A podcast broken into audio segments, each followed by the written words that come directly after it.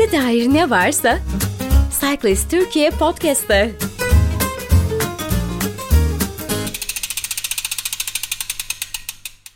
Merhaba, ben Zeynep Arapoğlu. Cyclist Türkiye podcast serisinde yeni bir bölüm açıyoruz ve ilk yayınıyla bisiklet gündemine başlıyoruz. Yayının sunuculuğunu da ben üstlenmiş bulunuyorum. Başlarken tanımayanlar için kısaca kendimden bahsetmek istiyorum. Marmara Üniversitesi'nden mezunum, grafik tasarımcıyım ve bisiklet bir ulaşım aracı olarak 2013 yılından beri hayatımın içinde bisiklet ulaşım platformu BUP ve Bisikletli Kadın İnisiyatifi e, her iki ekibin, e, ekibin içerisinde de kurulduğundan beri e, varım ve çalışmalarına destek veriyorum. 26 bölüm ve 2 yayın dönemi boyunca Açık Radyo'da bisikletli kadın hikayelerini anlattığımız Trapez Kadro radyo programını Seçil Zor'la birlikte hazırladık ve sunduk. Cyclist Türkiye ile de inişli çıkışlı bir ilişkim oldu. Genellikle bisikleti spor ağırlıklı ele alan bir yayın olduğu için fazla destek veremedim. Ancak biraz ulaşım ve gündelik hayatta bisiklete dair dergide sayfa açıldıkça Hülya Koç ve Juliana Boring gibi isimlerle röportaj yapma fırsatını yakaladım. E, bu ilk yayında benim de İstanbul'da bisiklet sürmeye başladığımda trafikteki şartları iyileştirmek, farkındalığı büyütmek, daha çok fark edilmek, ses getirmek için ne yapılabilir diye kendi kendime sormaya başladığım zaman sosyal medyada bir hareketle karşılaştım. Bisiklet yoluna sahip çıktı bunun adı ve Bağdat Caddesi'nde 2012 yılında yani 8 sene önce kışın en çamurlu zamanında yapılan e, bisiklet yolunda bisiklet trafiği oluşturmak için kurulmuştu. E, bugün konuklarım bisiklet yoluna sahip çık hareketini ve daha sonra ekibi daha da büyüterek e, BYSÇ'yi de içi, e, çatısı altına alan bisiklet dolaşım platformu temsilcileri Engin Ertekin ve Göksel Özyazanlar. E, hoş geldiniz, merhaba. Merhaba, hoş bulduk. Merhaba, hoş bulduk. İyi akşamlar. İyi akşamlar. E, kendinizden e, biraz bahseder misiniz? E, siz de kendinizi tanıtır mısınız? Engin, önce senle başlayalım. E, merhaba herkese. Engin Ertekin, 1973 e, İstanbul Kadıköy doğumluyum. E, üniversite yıllarından beri, Hacettepe'de, Ankara'da okudum bu arada. Üniversite yıllarından beri bisikleti hem hobi hem de ulaşım amaçlı olarak kullanıyorum. Yani 90'lı yıllardan bu yana diyebiliriz.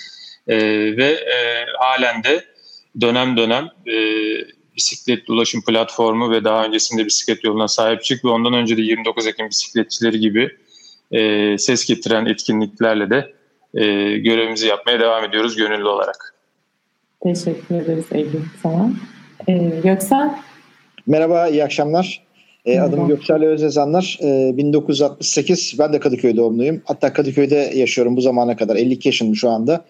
E, ilkokulu İlham, örnek aldı okudum. Yani Bağdat Caddesi üzerindeki okulda. Göztepe Ortaokulu'nda devamlı da 50. Yıl Tarhan Lisesi'nde yani Cemil Topuzlu Caddesi'ndeki olan e, lisede okudum. Üniversitede İstanbul Üniversitesi'nde İktisat bölümünden mezun oldum. Ben bisikletler 2010 senesinde e, evim o tarafta olduğu için e, ulaşım amaçlı olarak kullanmak e, mahiyetinde başlamıştım. Daha, daha önceden zaten küçüklüğümüzde bisiklete biniyorduk.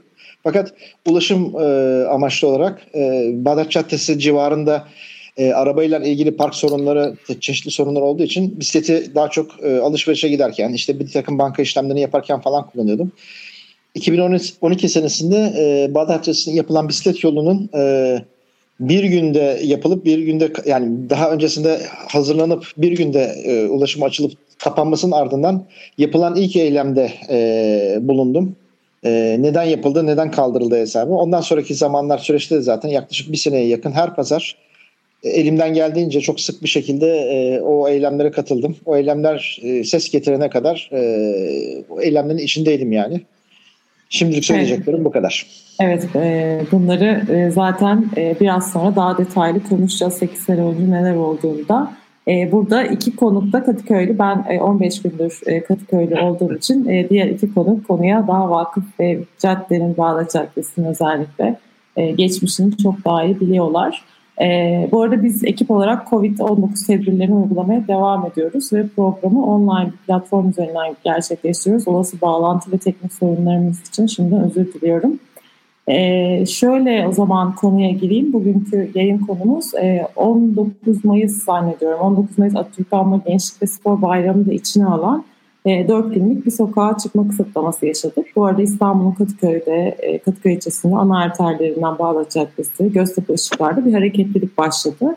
E, biz hepimiz evlerimizdeydik e, ve bu hareketliliği sosyal medyadan fark ettik. E, bu hareketlilik de bir bisiklet yol çalışmasıydı ve hepimizi aslında 2012 yılında e, tanıştığımız o e, bir gecede kaldırılan e, ve sonra kalıntı çizgileri üzerinde e, bisiklet sürerken benim sizle tanıştığım e, bisiklet yolunu o anılara götürdü.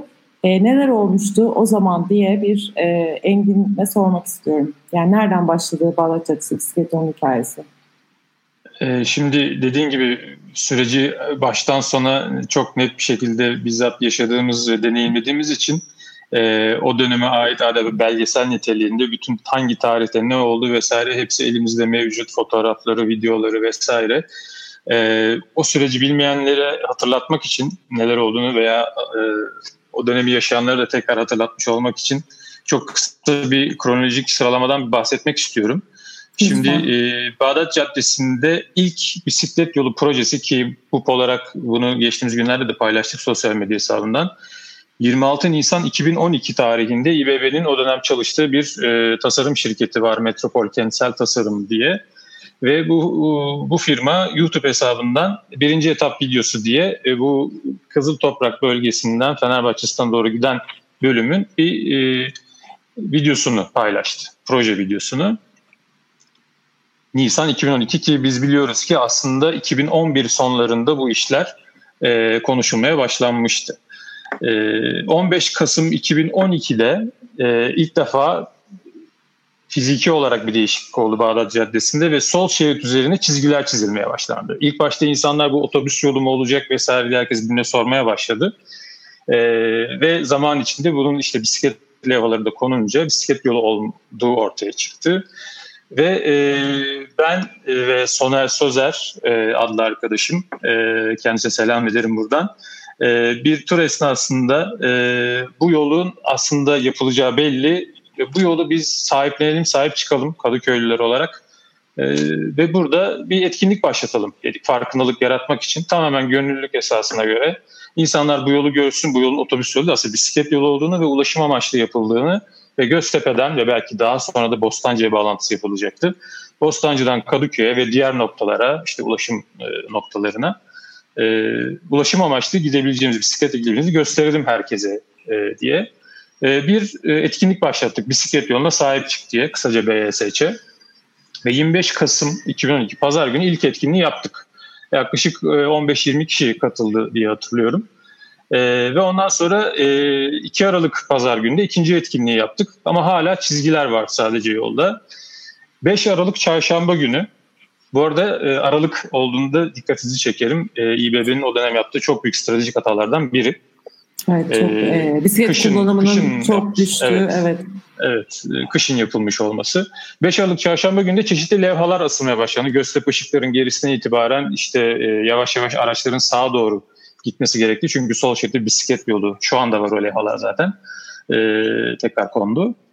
E, ve bisiklet yoluna dair yol boyunca bir takım işaretlemeler oluşmaya başladı ve artık insanlar tamamen öğrenmiş oldu burada bir bisiklet yolu yapılacağına dair. Ama hala sol şerit açık bu arada. Sol şeridi araçlar kullanıyor çünkü sadece çizgi var.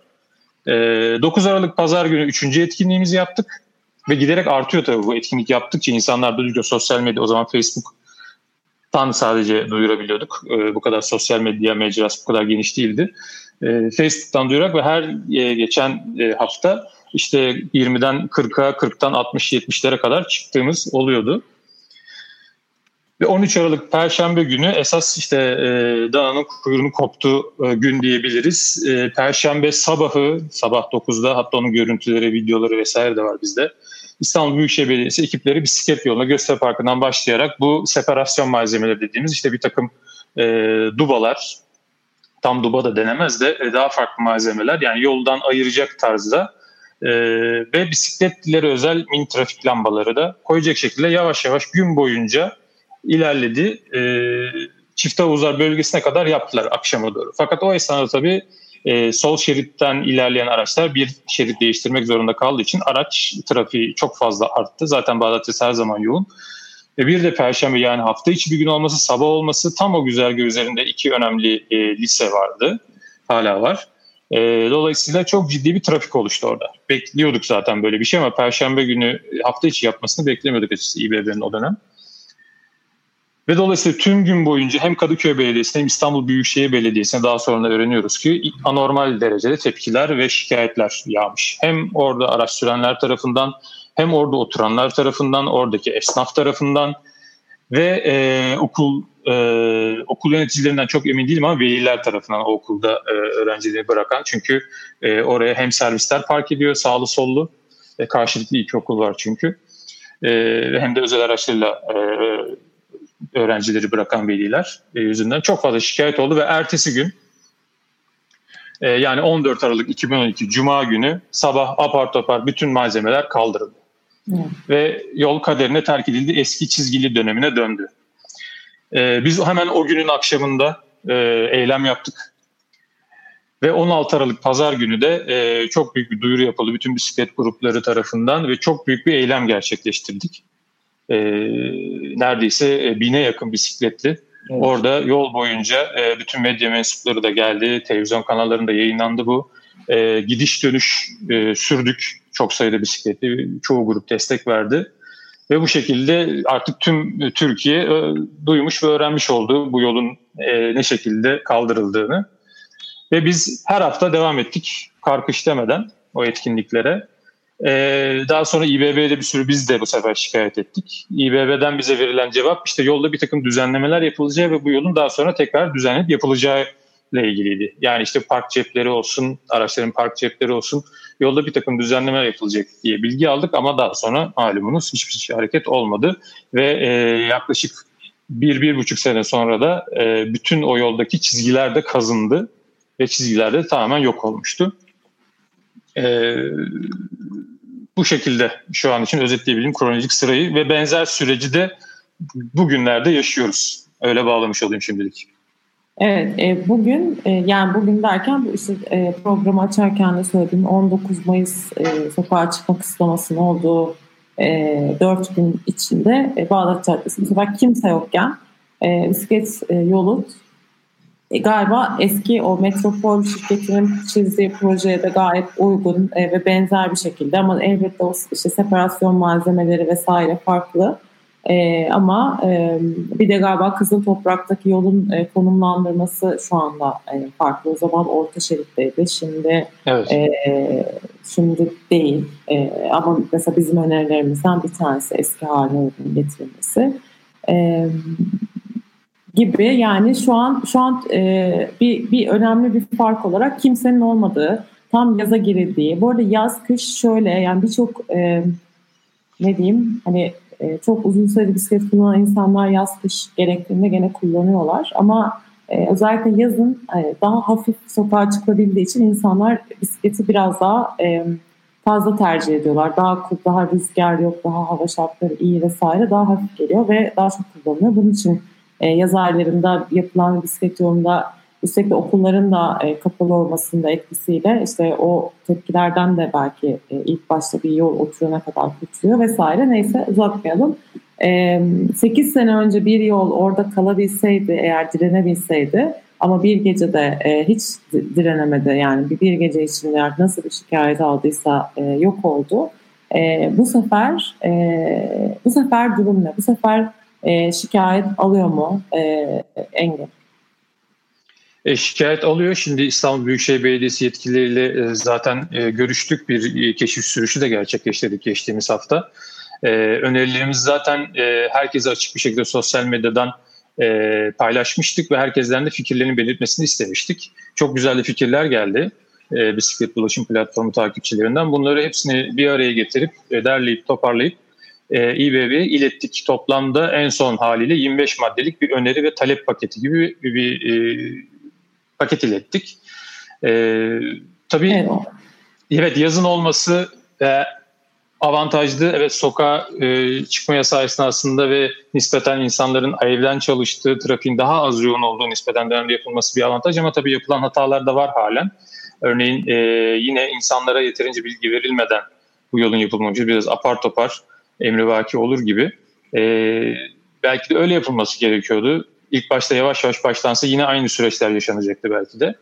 E, ama bir şekilde yapıldı. İyisiyle kötüsüyle. E, sağda mı olur, solda mı olur onun da tartışmaları yapılabilir. Ama şöyle bir takım bazı e, temel noktaları bir kere önce cebimize koymamız gerekiyor. Bir, Bağdat Caddesi Bostancı'dan Göztepe'ye kadar 3 şeritli bir cadde. Göztepe'den Kızıltoprak'a kadar 4 şeritli bir cadde. Siz o 4 şeridin bir şeridini bisiklet yoluna ayırdığınız zaman 3 şeritli cadde devam ediyor. Dolayısıyla trafik akışı açısından Bostancı Göztepe arasındaki süreçte hiçbir fark yok. Bu çok önemli bir nokta. Bunu o caddeyi kullanan çoğu insan farkında bile değil. Şurada galiba şöyle bir problem var. Ee, sağdan gidersek sağdaki iki şerit istifini bozmuyor. Ama e, soldaki şerit e, sağ şey oluyor. Yani solla orta bir, bir birbirine giriyor. O, o en sağ şey yapmıyor. Evet. Yani orada şerit nerede ekleniyor? Sağda mı ekleniyor, solda mı ekleniyor? Göztepe. Sağda ekleniyor. Sağda yani e, ekleniyor. düz giderken 3 şerit dümdüz gittiğin zaman sağ tarafa dördüncü bir şerit ekleniyor bir anda Göztepe'de. Evet, yani orada Dolayısıyla... üç şeridin birden kayması lazım. Onu, onu yapmadığı için e, trafik yönlendirmeleri e, evet, şu an evet. evet orta ve e, sol şerit sanki böyle birbirine boğuluyormuş e, şey oluyor. Halbuki ortada bir yana kaysa, sağda bir yana kaysa falan onlar akacaklar. Ee, evet yani insanlar çoğu insan bunun farkında değil. evet ve soldan gelen araç e, tabii karşısında birdenbire bisiklet yolunu görünce bir sağ şeride kaymak zorunda kalıyor. O burayı kapatmışlar, bir şerit eksiltmişler, nasıl olur bu iş gibi tepkiler gösteriyorlar maalesef. Evet. Ama halbuki şerit sayısı aynı. ee, diğer taraftan Bağdat Caddesi yıllar önce alınan bir kome kararına göre diğer İstanbul'daki pek çok cadde gibi Bağdat Caddesi de birinci derecede e, acil afet ulaşım yolu. Bu şu demek, o caddenin ne sağına ne soluna hiçbir şekilde park edemezsiniz, duraklama yapamazsınız. O cadde parklanmaya kapalı. Ama e, maalesef e, burada bisiklet yolu olsa da olmasa da trafik olmasının en önemli sebebi parklanmalar. Hani sağ şeride hadi park ediliyor fakat bazı bölgelerde sola da park ediliyor. E, dolayısıyla bunun önüne geçecek tek bir kurum var. O da İstanbul Emniyeti, Trafik Polisi eğer e, trafik polisi e, yıllarca, yıllar öncesinden ve düzenli ve sürekli olarak burada ciddi bir denetim yapsa, çok ciddi kimse, hiç kimseyi gözetmeksizin istisnasız herkese cezaları uygulasa zaten otomatik olarak Bağdatçısı trafiği kendinden rahatlayacak zaten.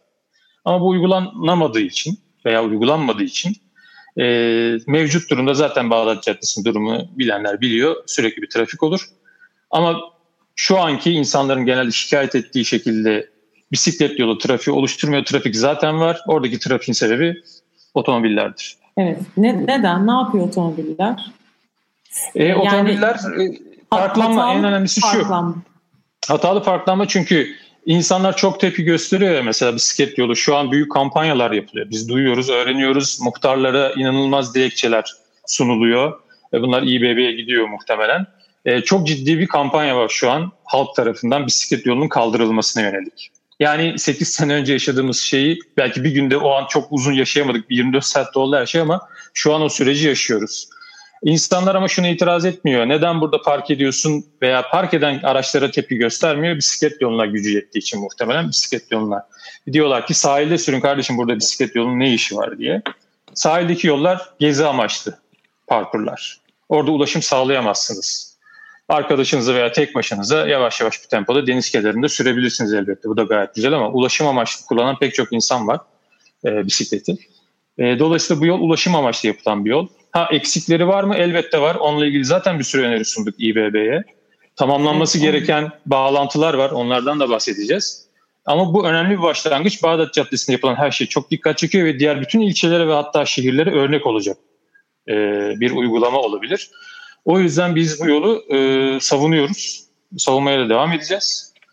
E, elbette hatalarını düzeltmek için İBB ile görüşeceğiz. Ama e, sürücü, örneğin iki gün önce çok ciddi bir kaza oldu Bağdat Caddesi'nin alt tarafındaki Cemil Topuzlu Caddesi'nin sahil yolunda. İnanılmaz bir süratle bir araç bir binanın otoparkına girdi. Paramparça oldu araba. Ee, yani herkes güvenli mi değil mi sol şerit diye sorabilirsiniz. gerekiyor. Siz o zaman eğer kurallara uymayan sürücüleri uyarmadığımız veya ceza kesmediğimiz sürece yaya olarak o cadde yürümek de çok büyük tehlike. Bunun Kaldırım önüne geçip var bunu... oysa yani. Evet yani kaldırımda da siz yürüdüğünüz zaman ki bundan birkaç ay önce de bir çift bankta kaldığında bankta otururken e, üstlerinden araba geçti örneğin. Yani daha öncesine yönelik bir çiçekçi ezilmişti Şaşkın Bakkal tarafında. Evet. Daha önce de bir sürü kaza örnekleri var. Dolayısıyla e, burada problem araç sürücüleri. Hem hız yapan araç sürücüleri hem caddenin tıkanmasına sebep, park ederek tıkanmasına sebep olan araç sürücüleri. Zaman, dönem dönem öyle bir şey oluyor ki bir şeride bile düştüğü oluyor. Suadiye veya e, Şaşkın Bakkal bölgesinde Bağdat Caddesi'nde. Yani ama kimse buna ses çıkartmıyor. Hiç saymadım ama Göksel sence kaç tane e, hız kesici vardır? Böyle kocaman e, bombeler yapıyorlar asfaltın üstüne bazı caddesi. Çünkü Engin'in bahsettiği sorundan dolayı inanılmaz bir e, hız şeyi var orada. Problemi. E yani şimdi bombe olaraktan şöyle söyleyeyim Caddebostan ışıklarda bir tane var. Ee, devamında yani ben... ışıkları geçtikten sonra var. Devamında e, Selami Çeşme ışıklardan sonra var. Yani en çok kazanın olduğu bölge. Çünkü Bağdat Caddesi'ndeki kazaların e, %50'sinden fazlası aslında şeyden e, Göztepe'den sonraki kısımda meydana geliyor. Çünkü oradaki kısım şerit 4 şeride çıktığı için araçlar orada daha fazla hız yapmaya başlıyor. Biraz orada trafik yoğunluğu da az olduğu için. Yani e, özellikle gece saatlerinde. Şimdi mesela örnek verecek olursak e, Bağdat Caddesi'nin Bostancı e, Göztepe arasındaki bölgesinde özellikle Suadiye Şaşkın Bakkal bölümünde akşam saatlerinde biraz trafik oluyor. Dolayısıyla arabalar hız yapamıyor netice itibariyle. Fakat Şaşkın Bakkalı geçtikten sonraki kısımda araçlar anormal derecede hız yapmaya başladı. Ki zamanında biliyorsunuz Selin e, diye bir kızcağız ölmüştü. Çok gece geç vakitlerinde. Daha ileriki saf- safhalarda Caddebostan, Göztepe ve devamında daha da fazlalaşıyor. Çünkü dört şeride çıkıyor yol. Daha bir e, şu andaki bisiklet yolu bile aslında çok güvenli değil. Yani gece saatlerinde orada hız yapan araçların e, deli gibi araba kullanan insanların e, şeyine kalıyor. Tabii kasis yaptılar. E, Göztepe ışıklardan sonra yaptılar. E, çift havuzlar ışıklardan sonra yaptılar. Selam Çeşme ışıklardan sonra tekrardan yaptılar. O bir nebze önlüyor tabii ama. Ama orada yavaşlayıp sonra e, arabalar tekrar hızlanıyorlar. Peki tabii sence yani, bisiklet yolu neden e, solda yapıldı? Yani ikidir aynı şey yapıyor. Solda yapıyor. Sence Şimdi birincisi, bir, birincisi böyle bölümüne bir şey diyemiyorum. Yani o yapılmış. Öyle bir proje yapılmış. Öyle uygun görmüşler. Ee, bir de Bağdat Caddesi'nde biliyorsunuz bir otobüs dolmuş trafiği de var. Yani dolmuşlar durup dururken ara, e, yolcu alıyorlar bilmem ne alıyorlar. Belki o düşünülerekten solda parklanma olmadığı için e, daha rahat olur, daha insana sürebilir falan gibilerinden. İşte e, 2002 senesinde e, daha önceki Bağdat Caddesi'nin e, hikayesini anlatmak e, gerekirse 2002 öncesinde dört şerit olarak gidiyordu Bostancı'dan Göztepe'ye kadar da. Fakat o bölümde e, insan e, yürüyüş trafiği yani kaldırım trafiği biraz fazla olduğu için orayı üçe indirdiler. Yani insanlar daha çok yürüyüş yapsın, daha çok yürü, şey yapsın diye. Göztepe'den sonrasını biraz da trafik fazlalaştığı için orasını bıraktılar. Yani 2002 senesinden sonra Göztepe Kadıköy arasındaki bölüm 4 şerit olarak yani 1987'deki şeyi kaldı. E, orijinal tablosu kaldı.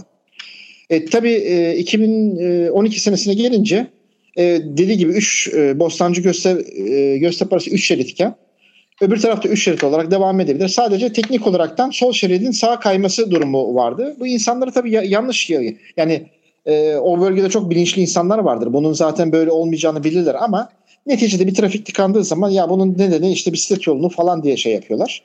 Ee, sağ tarafı yapmamalarının sebebi e, dolmuşlar ve otobüslerin e, sürekli olarak orayı rahatsız edebileceğini düşündüklerinden dolayı bence sola yapmış e, oldular. Yani e, solda olması zaten e, dezavantaj değil avantajdır bence de. E, fakat 2012'de yapılan bir projenin aynısının 2020'de yapılması bizim için biraz şey oldu. Yani biz o kadar eylem yaptık. Burada eksikler, yanlışlar var. Ee, bir takım şeyleri düzenleyip yani o zaman niye kaldırıldı bu? Yeni bir şey yapalım ki e, yeniden düzenleyelim falan gibiler. Ön çalışma yapıp o yolun ön şekilde yapılması daha mantıklıydı.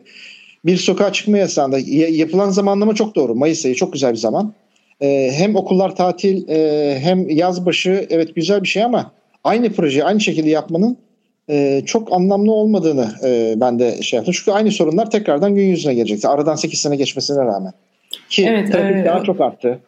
Biliyorsun yani trafikin artması daha fazla daha fazla e, araç trafiğe çıkıyor falan. Yani, yani. bir bireysel araç kullanımında e, epey bir artış var. Bence de e, öncelikle şunu söylemek istiyorum. Sol şeritte e, olması işte ara sokaklarla kesişim var bisiklet yolunun ama sağ şeritteki o dolmuş otobüs trafiğinden çok daha az e, muhtemelen trafik kesişimi evet. e, oluyordur.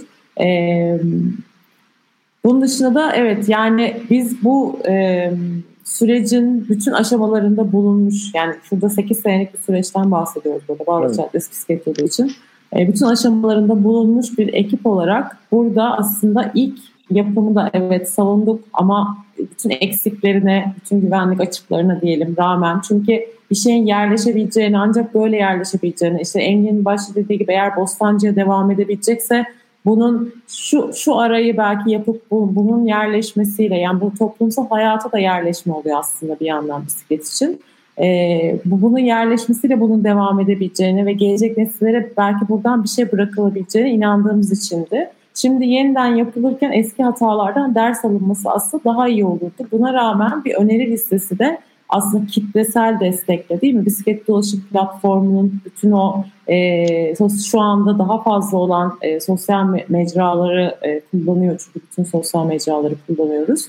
Oralardan e, öneriler topladık değil mi? Bisiklet kullananlardan, araç sürücülerinden hatta esnaftan. Engin biraz bu süreçten ve toplu önerilerden bahsetmek ister misin? Evet, e, şimdi onları bayağı dediğim gibi 25 maddelik paket vardı. Ama ondan öncesinde şöyle bir şey e, de bahsetmek istiyorum. Şimdi bisikletliler tarafından da bazı bisikletli arkadaşlarımız tarafından da hani bu yolun işte güvenli olmaması, sol şeritte olması veya yetersiz bir mesafede olması gibi eleştiriler var. Haklı eleştiriler olabilir. Tabii hepsi tartışılacak şeyler bunlar.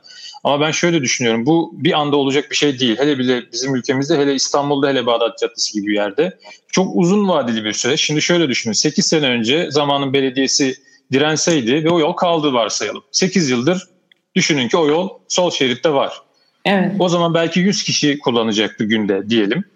Şimdi o 8 yıl içinde zaman içinde yani şu an bile pek çok insanı görüyorum ben. Hemen hemen her gün kullanıyorum o yolu. Ee, hiç muhtemelen hiç caddede bisiklet sürmemiş insanlar olduğu çok belli. Ailecek çıkanlar bir yolu görmek için e, buna cesaret edebilen insan sayısı çok fazla oldu şu bir aylık süreçte.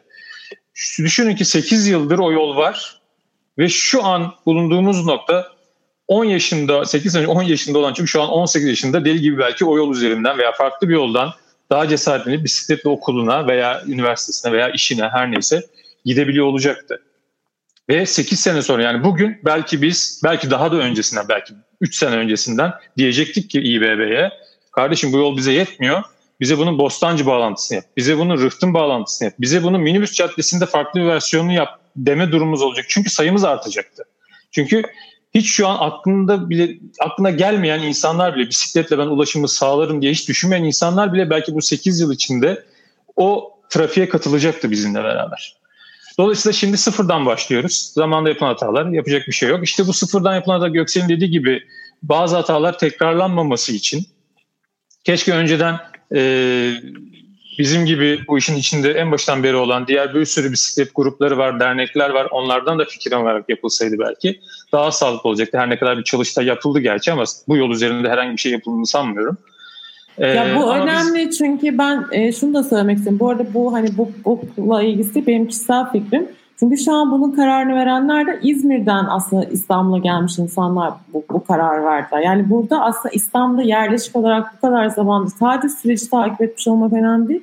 E, aynı zamanda bu çevreyi bilen, yani ben e, onlardan daha fazla biliyorum sonuçta. E, o yüzden e, burada bu, bu, da, bu, da çok, bu da çok önemliydi bence. Bunu eklemek istedim sadece. Benim fikrimdir ama yani. Evet, evet o da o da o da tartışılabilecek bir konu. Ee, şimdi İBB'ye bizim yaptığımız öneriler, bunu zaten sosyal medyada gayet açık bir şekilde paylaştık ve ilettik.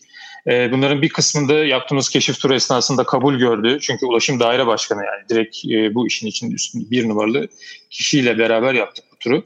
Ee, Utku Bey. Ee, dolayısıyla onun da pek çok konuda onayını aldık ve devamında bekliyoruz elbette.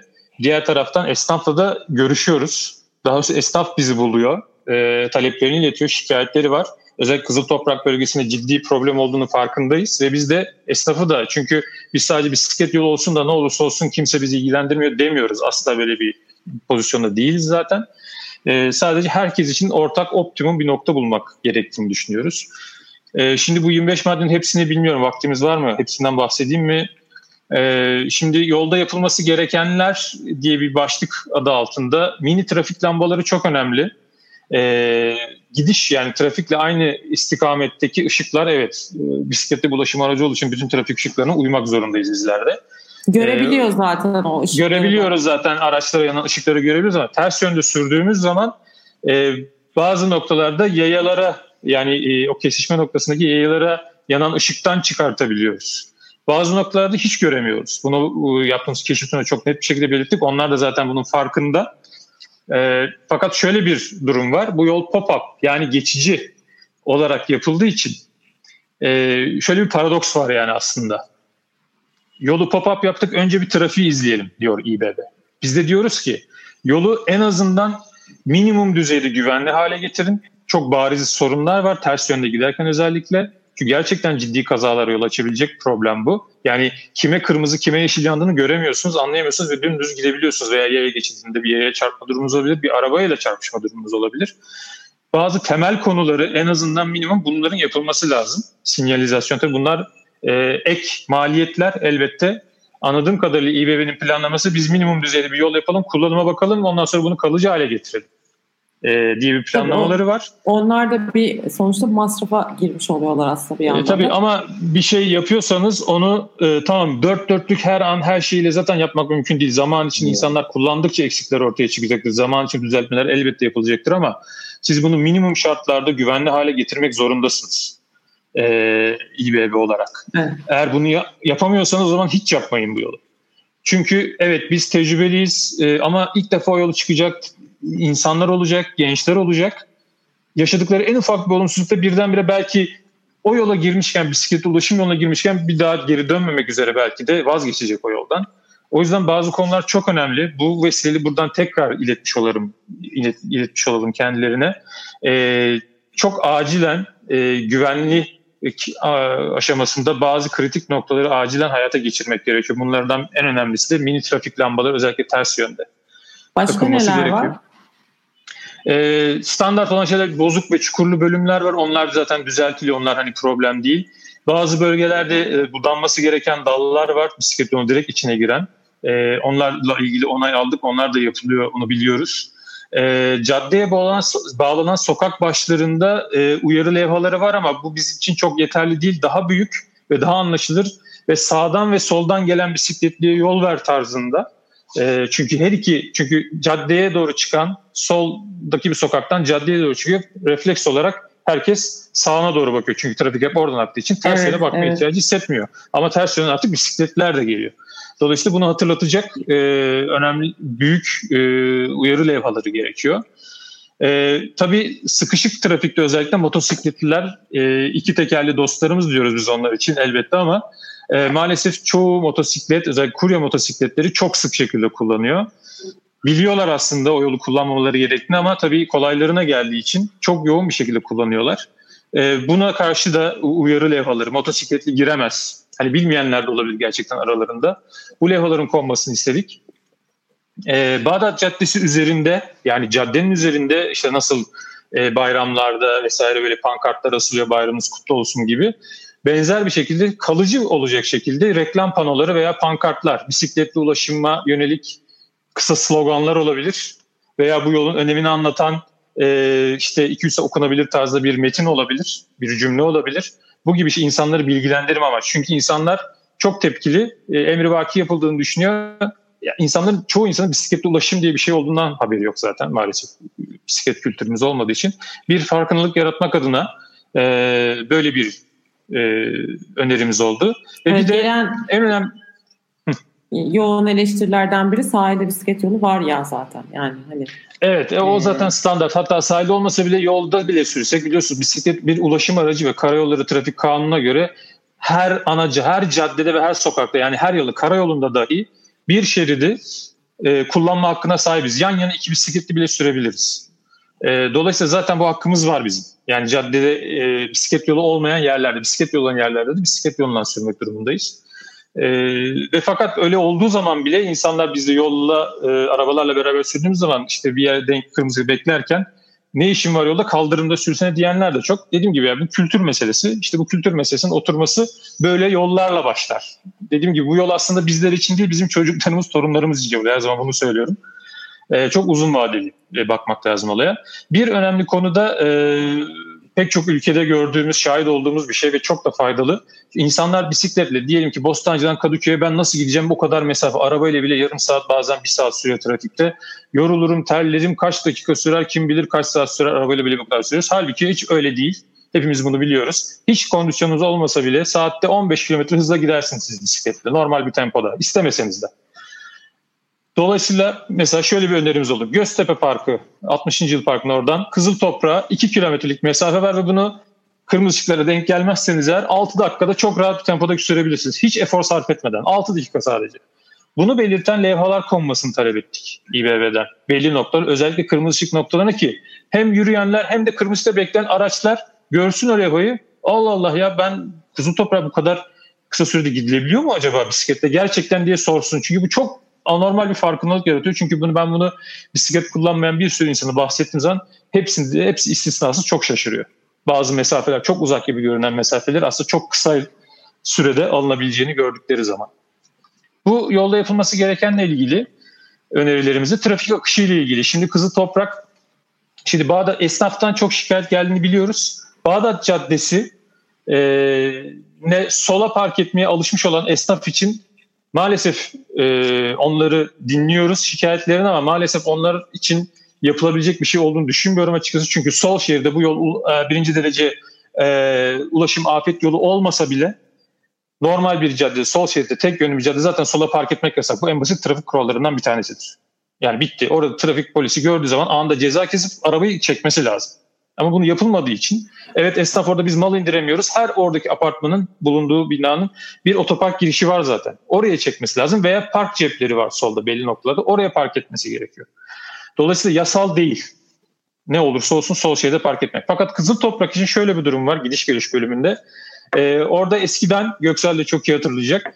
E, orta bir e, refüj vardı. Yani trafiğin durumuna göre e, sabahları belli bir yöne veriliyordu o orta şerit, akşamları da diğer yöne veriliyordu ki trafik biraz rahatlasın diye. 2012'deki planda orta refüjün bisiklet yolu olarak planlaması vardı.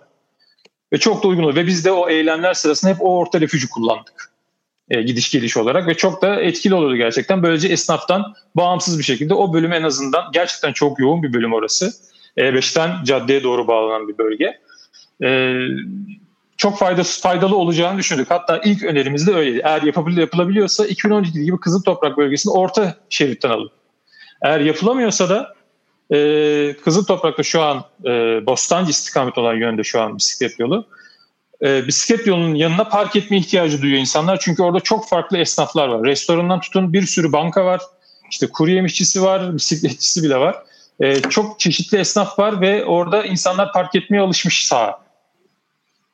E, dolayısıyla bisiklet yolunun yanına park ediyorlar. Bu arada o Bostancı 3 şeritlik bir bölge. Bisiklet yolu yaptılar. Kaldı 2 şerit akıcı trafik. E, iki şeridin bir şeridinde park ediyor insanlar. Tek şerit akıcı trafiğe oluyor ve dolayısıyla orada tam bir kaos yaşanıyor. Evet. E, dolayısıyla bizim önerimiz şu oldu. E, ters tarafta Kadıköy sanırım 4 şerit var. O 4 şeridi 3 şeride düşürün. Yani ortadaki refüjü, şu an ortadaki refüjü bir şerit Kadıköy yöne kaydırın. Dolayısıyla bisiklet yolu olduğu yerde kalsın. Yanına araçlar park edebilsin. Ki biz bisiklet yolunun yanına araç park etmesini istiyoruz. Çünkü Daha güvenli doğal, diye mi? doğal bir bariyer oluşturuyor. Evet. Tabii ki kapı açma mesafesini ayarlayarak elbette. Yani kapı açıldığı zaman bisiklet yoluna girmemesi gerekiyor. Kapı açma mesafesi ayarlayarak hem böylece insanlar park edebilir, işini yapabilir. Tabii bisiklet yoluna dikkatli geçmek lazım. Mesela Kalamış'taki kısa bisiklet yolunda öyle bir uygulama var. Ee, yol çok dar biraz genişletiyor. Bisiklet yolu çok dar genişletiyor ama bisiklet yolunun yanına park edebiliyor araçlar ve orada bir problem olmuyor. Aynı şekilde Kozyata İnönü Caddesi'nin üst bölümünde de benzer bir durum söz konusu. Evet. Bisiklet yolunun yanına park edebiliyorlar ki önceden bisiklet yolunun üstüne park ediliyordu ama oradaki halk zaman içinde alıştı birkaç ay içinde.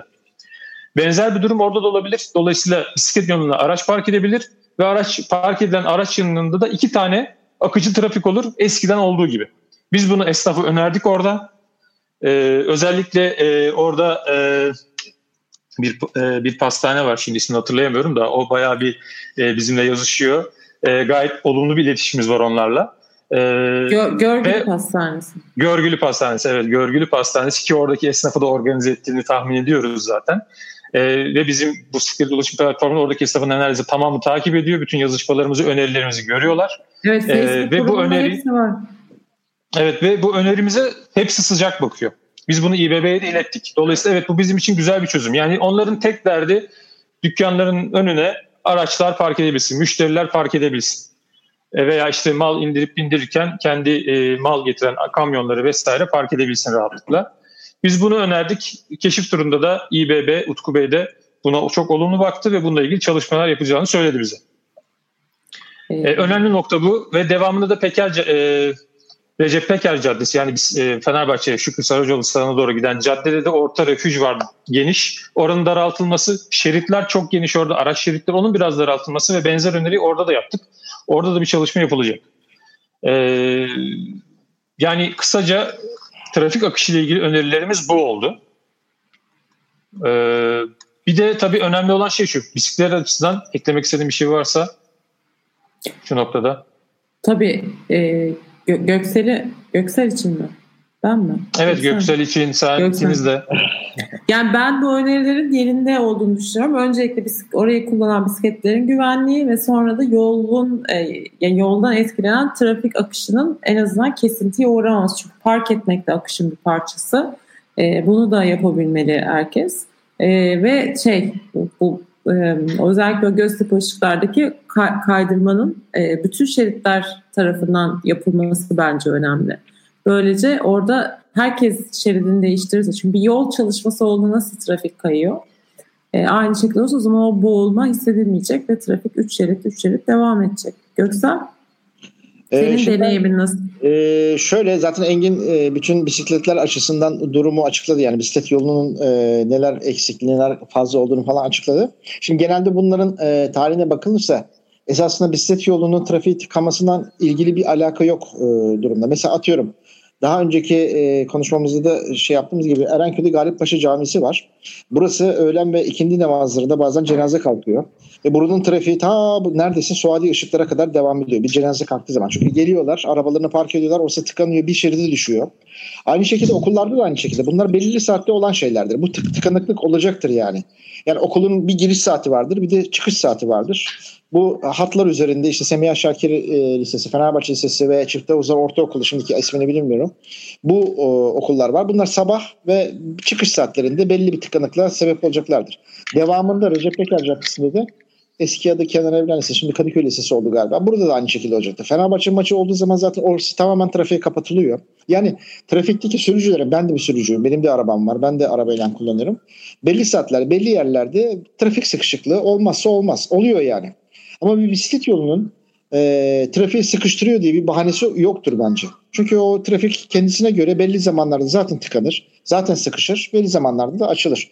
Ama Kızıl Toprak bölgesi için evet ben de aynı fikirdeyim. Yani e, ortadaki yani oraya bir bisiklet yolu oraya kaydırılırsa ki ben e, onda çok e, hem fikirdeyim. Çünkü Fener yolu tarafından gelen e, bir bisikletli e, BP benzincisi yani isim vererekten söylüyorum. Oradaki ışıklarda çok uzun süreli beklemeye e, geçiyor. Çünkü bir yaya, yaya e, şeyi var. Orada ışığı var. Artı zaman orada bir dön şey var. U dönüşü durumları falan var. Eskiden öyle bir şey yoktu. Oraya U dönüşü yaptılar. Eskiden öyle bir durum yoktu. Ve de, deniz tarafındaki bir şeridi yani Kızıl Toprak'ta deniz tarafındaki bir şeridi komple bisiklet yoluna ayrılınca dediği gibi yani oraya mal indirme bindirmeye gelen artı alışverişe gelen kişi oraya park ediyor veya bankaya bir şerit kalıyor. O, eğer yapabiliyorlarsa orta şerit. Olmadı e, o refüjü e, daha e, sağa kaydıraraktan yani Kadıköy istikametine kaydıraraktan orada bir şerit yaratılması gerekiyor. Ama Yine orada çok e, problem e, BP benzincinin oradaki ışıklarda bir bisikletli çok e, zaman harcıyor. Orada bekliyor, e, beklemeye başlıyor. Eskiden öyle bir durum yoktu. Gelen bisikleti tamamen orta refüjden Kızıl Toprağın neredeyse bypass ederekten yani ortadan geçerekten e, bir şekilde öbür tarafa ulaşıyordu.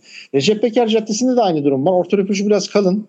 Orada da garip parklanmalar falan var. E, ben trafik açısından konuşuyorum bunu. Yani trafiğin nasıl daha akıcı olur? Allah'tan Recep Peker Caddesi çok trafiği olan bir yer değil. Yani Kızıl Toprak'tan sonrası biraz daha sakin oluyor. E, sakin bir şeyi var, e, yapısı var. Ama tabii esnafın önünden geçtiği zaman o adam orada mal indirip mal bindire şeyini mallarını şey yapamıyor. En azından oranın da bir şekilde düzenlenip e, şimdi oraya bir yeni bir hastane falan da yapıldı biliyorsunuz. Laboratuvarlar var bilmem ne var. Yani herkes gelip orada arabasına bir şekilde iki dakika park ediyor sağ şeride. Tek şerit kalıyor. Şimdi bisiklet yolu yapılınca o da kalmıyor ortalıkta. Oranın da bir şekilde düzenlenip e, Yoğurt Kurbağalıdere Köprüsü'nden itibaren de e, Kuşdili Caddesi'nden Altıyola bu yolun %100 olarak çıkartılması e, devam edebiliyorsa yani yapılabiliyorsa da e, Boğa'nın oradan yani Altıyol Meydanı'ndan da Rıhtım'a kadar devam etmesi. Çünkü bir anlam taşıması bakımından bence bu bisiklet yolunun e, bu şekilde tamamlanması gerekiyor. Evet. Yani Göztepe Bostancı arasındaki durumu daha sonraki aşama olarak düşünülebilir. Yani ilk, ilk başta bunu bir çözersek yani Kadıköy'de bir insan vapurdan inince bisikletinden e, bir şekilde Göztepe'ye kadar gelebiliyorsa rahat bir şekilde hani bir e, gelebiliyorsa ondan sonrası da ikinci aşama olaraktan da çalışması yapılabilir. Ama birinci aşamada bunun mu, muhakkak yani bu verilen mücadelenin sonucu bakalım. Yoğurtçu Parkı'na değil de Kurbaldere Köprüsü'nden Kuşdili Caddesi üzerinden Altı Yol Boğa'ya ilk aşamada ikinci aşamada da Boğa'dan Rıhtım'a kadar olan bir kısımda bir şekilde e, bu yolun tamamlanması gerekiyor. Evet yani bence bir de yani. Bir, bir merkeze bağlanması lazım. Evet, Çünkü evet, bu evet. haliyle Yoğurtçu Parkı'na gidince o, o ulaşım ciddiyetini ben alamıyorum mesela. Şeye gidiyor çünkü bir e, rekreatif bir alana gidiyor bisiklet yani, yolu. Yani. Ama bir e, ulaşım merkezine veya işte Kadıköy'ün merkeze, çarşıya vesaire ulaşması o zaman onun bir ulaşım amaçlı yol olduğunu da anlayacak. Evet.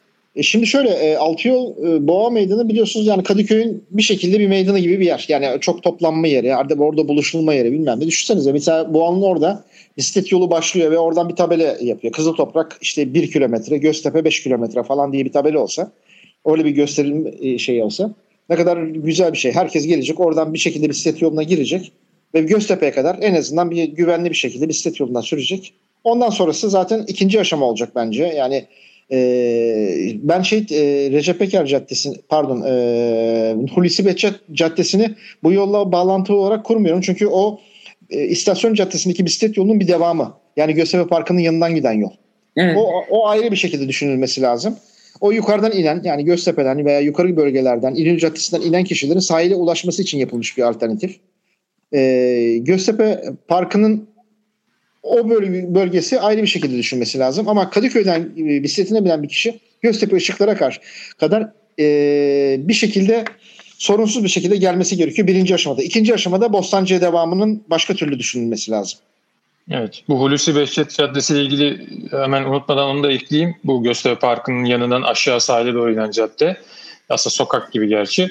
Ee, onunla da ilgili o bölgedeki halk ve özellikle oradaki esnaf çünkü orada restoranlar vesaire var. Oradan da çok şikayet gelmiş. Muhtarlarla yaptığımız görüşmede öğrendik bunu da. Ee, muhtarın, e, Caddebostan muhtarın şöyle bir önerisi oldu ki o da olumlu aslında bence de mantıklı. O yolun e, o caddeden değil de hemen yanındaki parkın yan tarafından aşağı indirilmesi. E, çünkü zaten e, aynı istikamette inen bir e, yokuş aşağı veya yokuş yukarı artık geldiğiniz noktaya göre e, bir sokak aslında. E, dolayısıyla dümdüz inen bir sokak. O parkın içinden geçebilir. Onunla ilgili belki düzenleme yapılacak.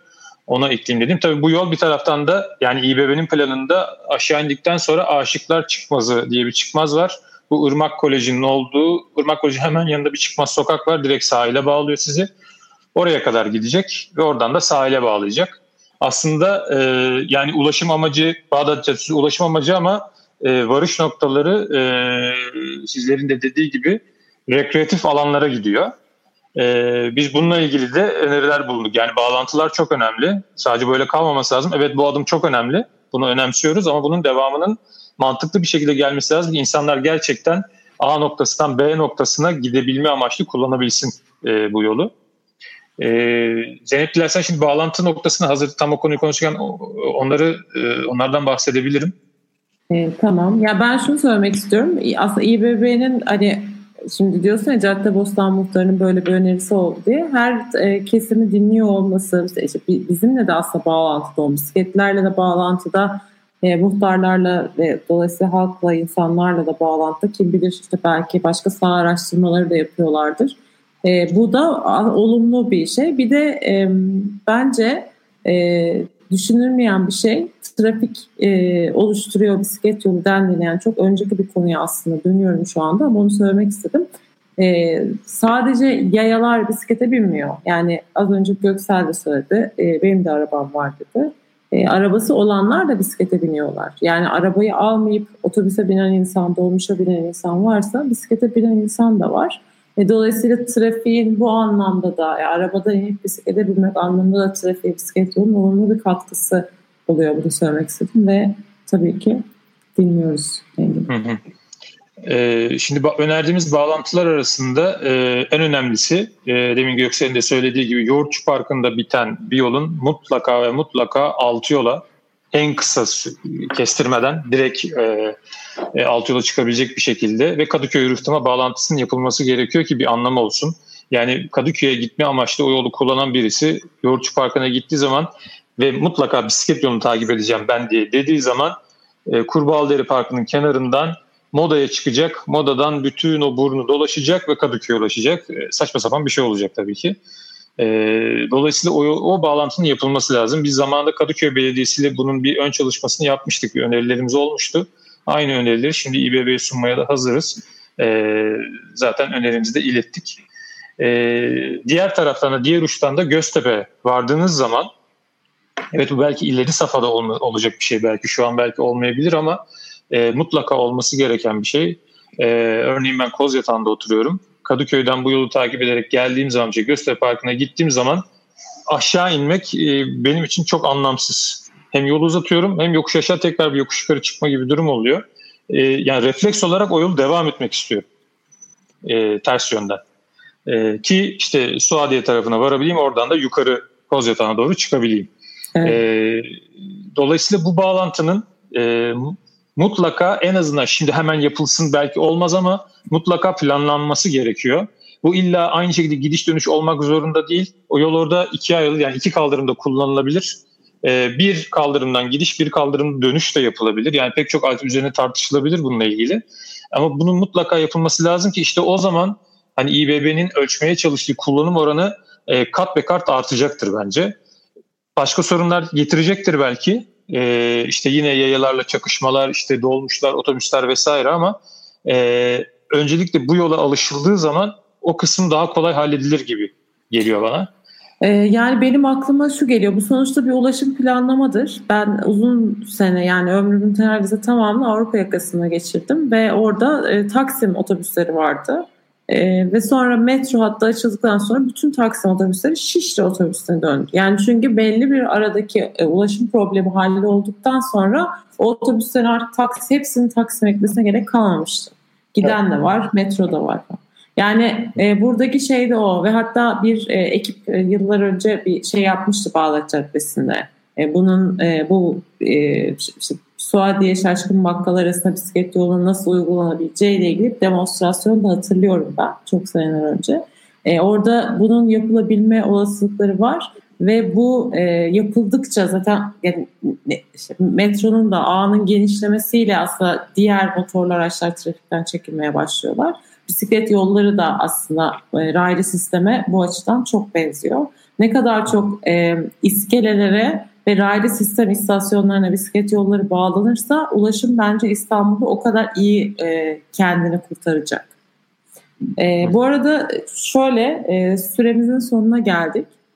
Oh. E, ve e, ben sizden e, aslında yolun geleceğiyle ilgili e, son bir, bir iki cümleyle düşüncelerinizi alıp e, teşekkür etmek istiyorum dinleyenlere de sizlere de. Ee, şimdi yolun geleceği, şimdi yola çok aşırı bir tepki olduğunu biliyoruz. Bu zaten beklediğimiz bir şeydi. Ee, İBB'nin şu ana kadar direnmiş olması bir taraftan iyi. Herkesle görüşmeye çalışması da iyi dediğin gibi. E, çünkü daha önce bundan 8 sene önce bu yolu kim nasıl yaptı, ne şekilde yaptı, kimle görüştü, yaptı da kimle görüştü, kaldırdı. Bunların hiçbirini bilmiyorduk ama şimdi en azından önümüzde iletişime açık e, bir belediye var. E, bu açıdan olumlu. Ee, bizim taleplerimize de olumlu yaklaşıyorlar. En azından dinliyorlar. Uygulanabileceklerini uygulayacaklarına inanıyorum. Ee, ama yine de çok önceden bilgilendirme olsaydı en azından bu tepkilerin en azından bir kısmının önüne geçilebilirdi. Halen bir şey kaybedilmiş değil.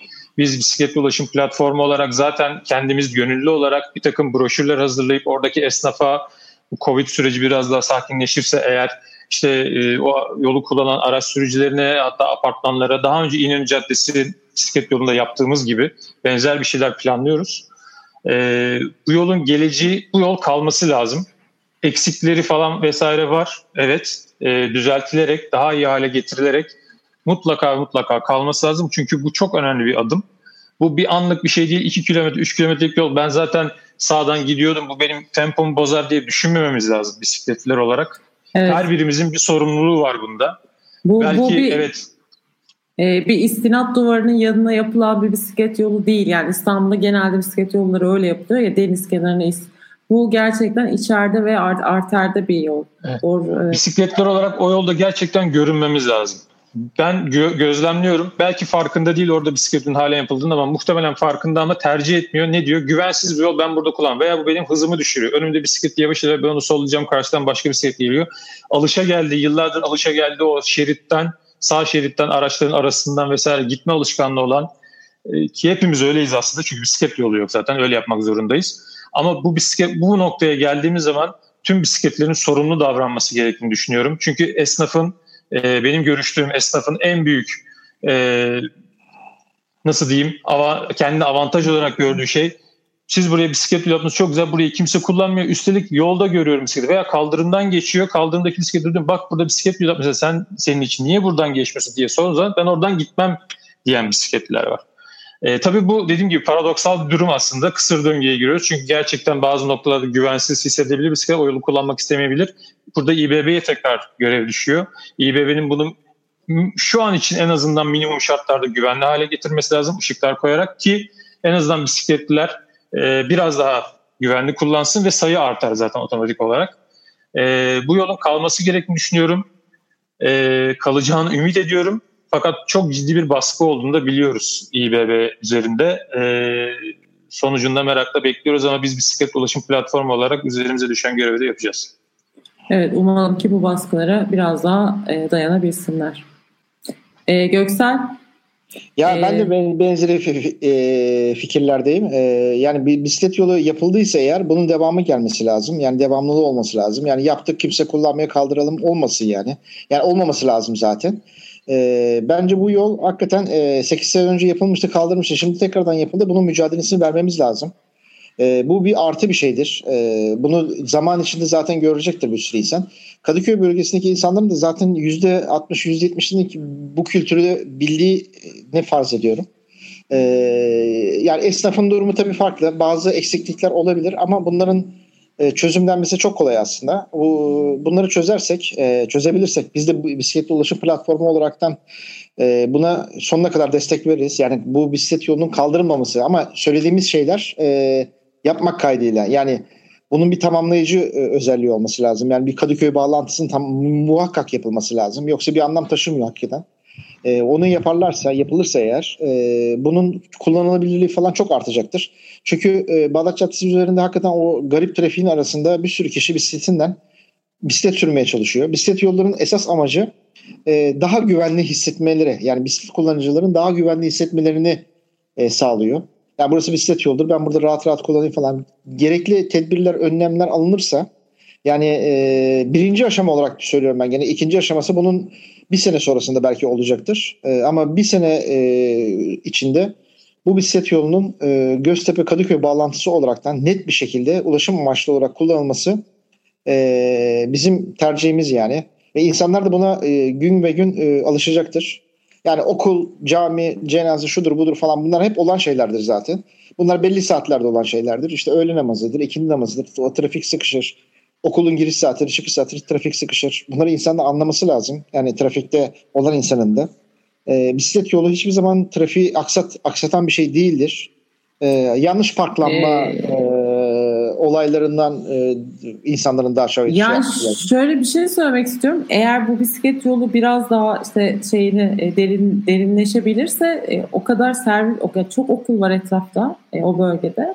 Ama belki o kadar servise gerek olmayacak ve çocuklar bisikletle gidecekler. Yani biraz Tabii daha ki. uzun vadeli niye bunu istediğimizi şu uzun vadede insanlar e, anlayabilirlerse o zaman neden istediğimizi de e, aslında yani, anlayacaklar.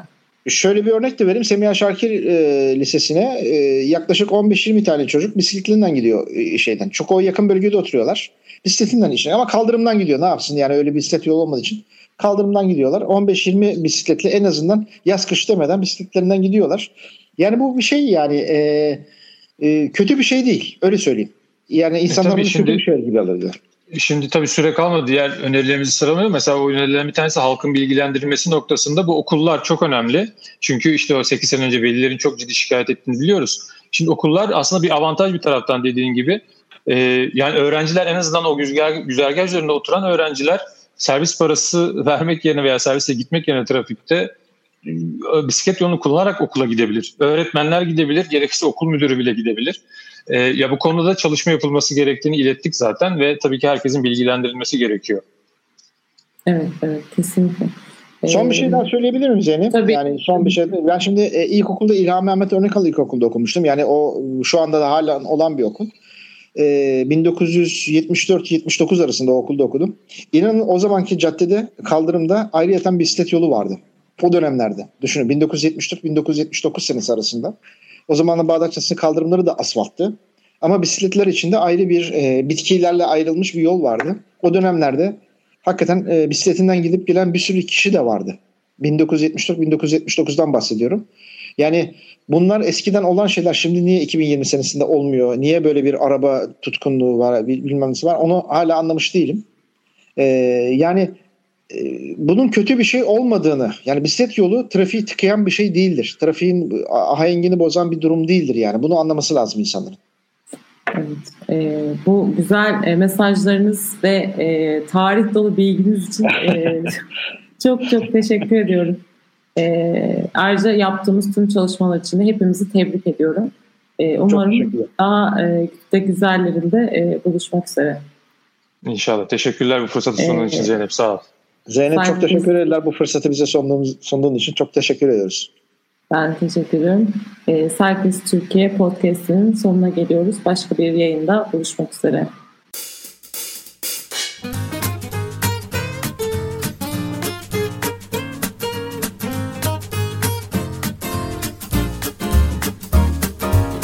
Bisiklete dair ne varsa Cyclist Türkiye Podcast'te.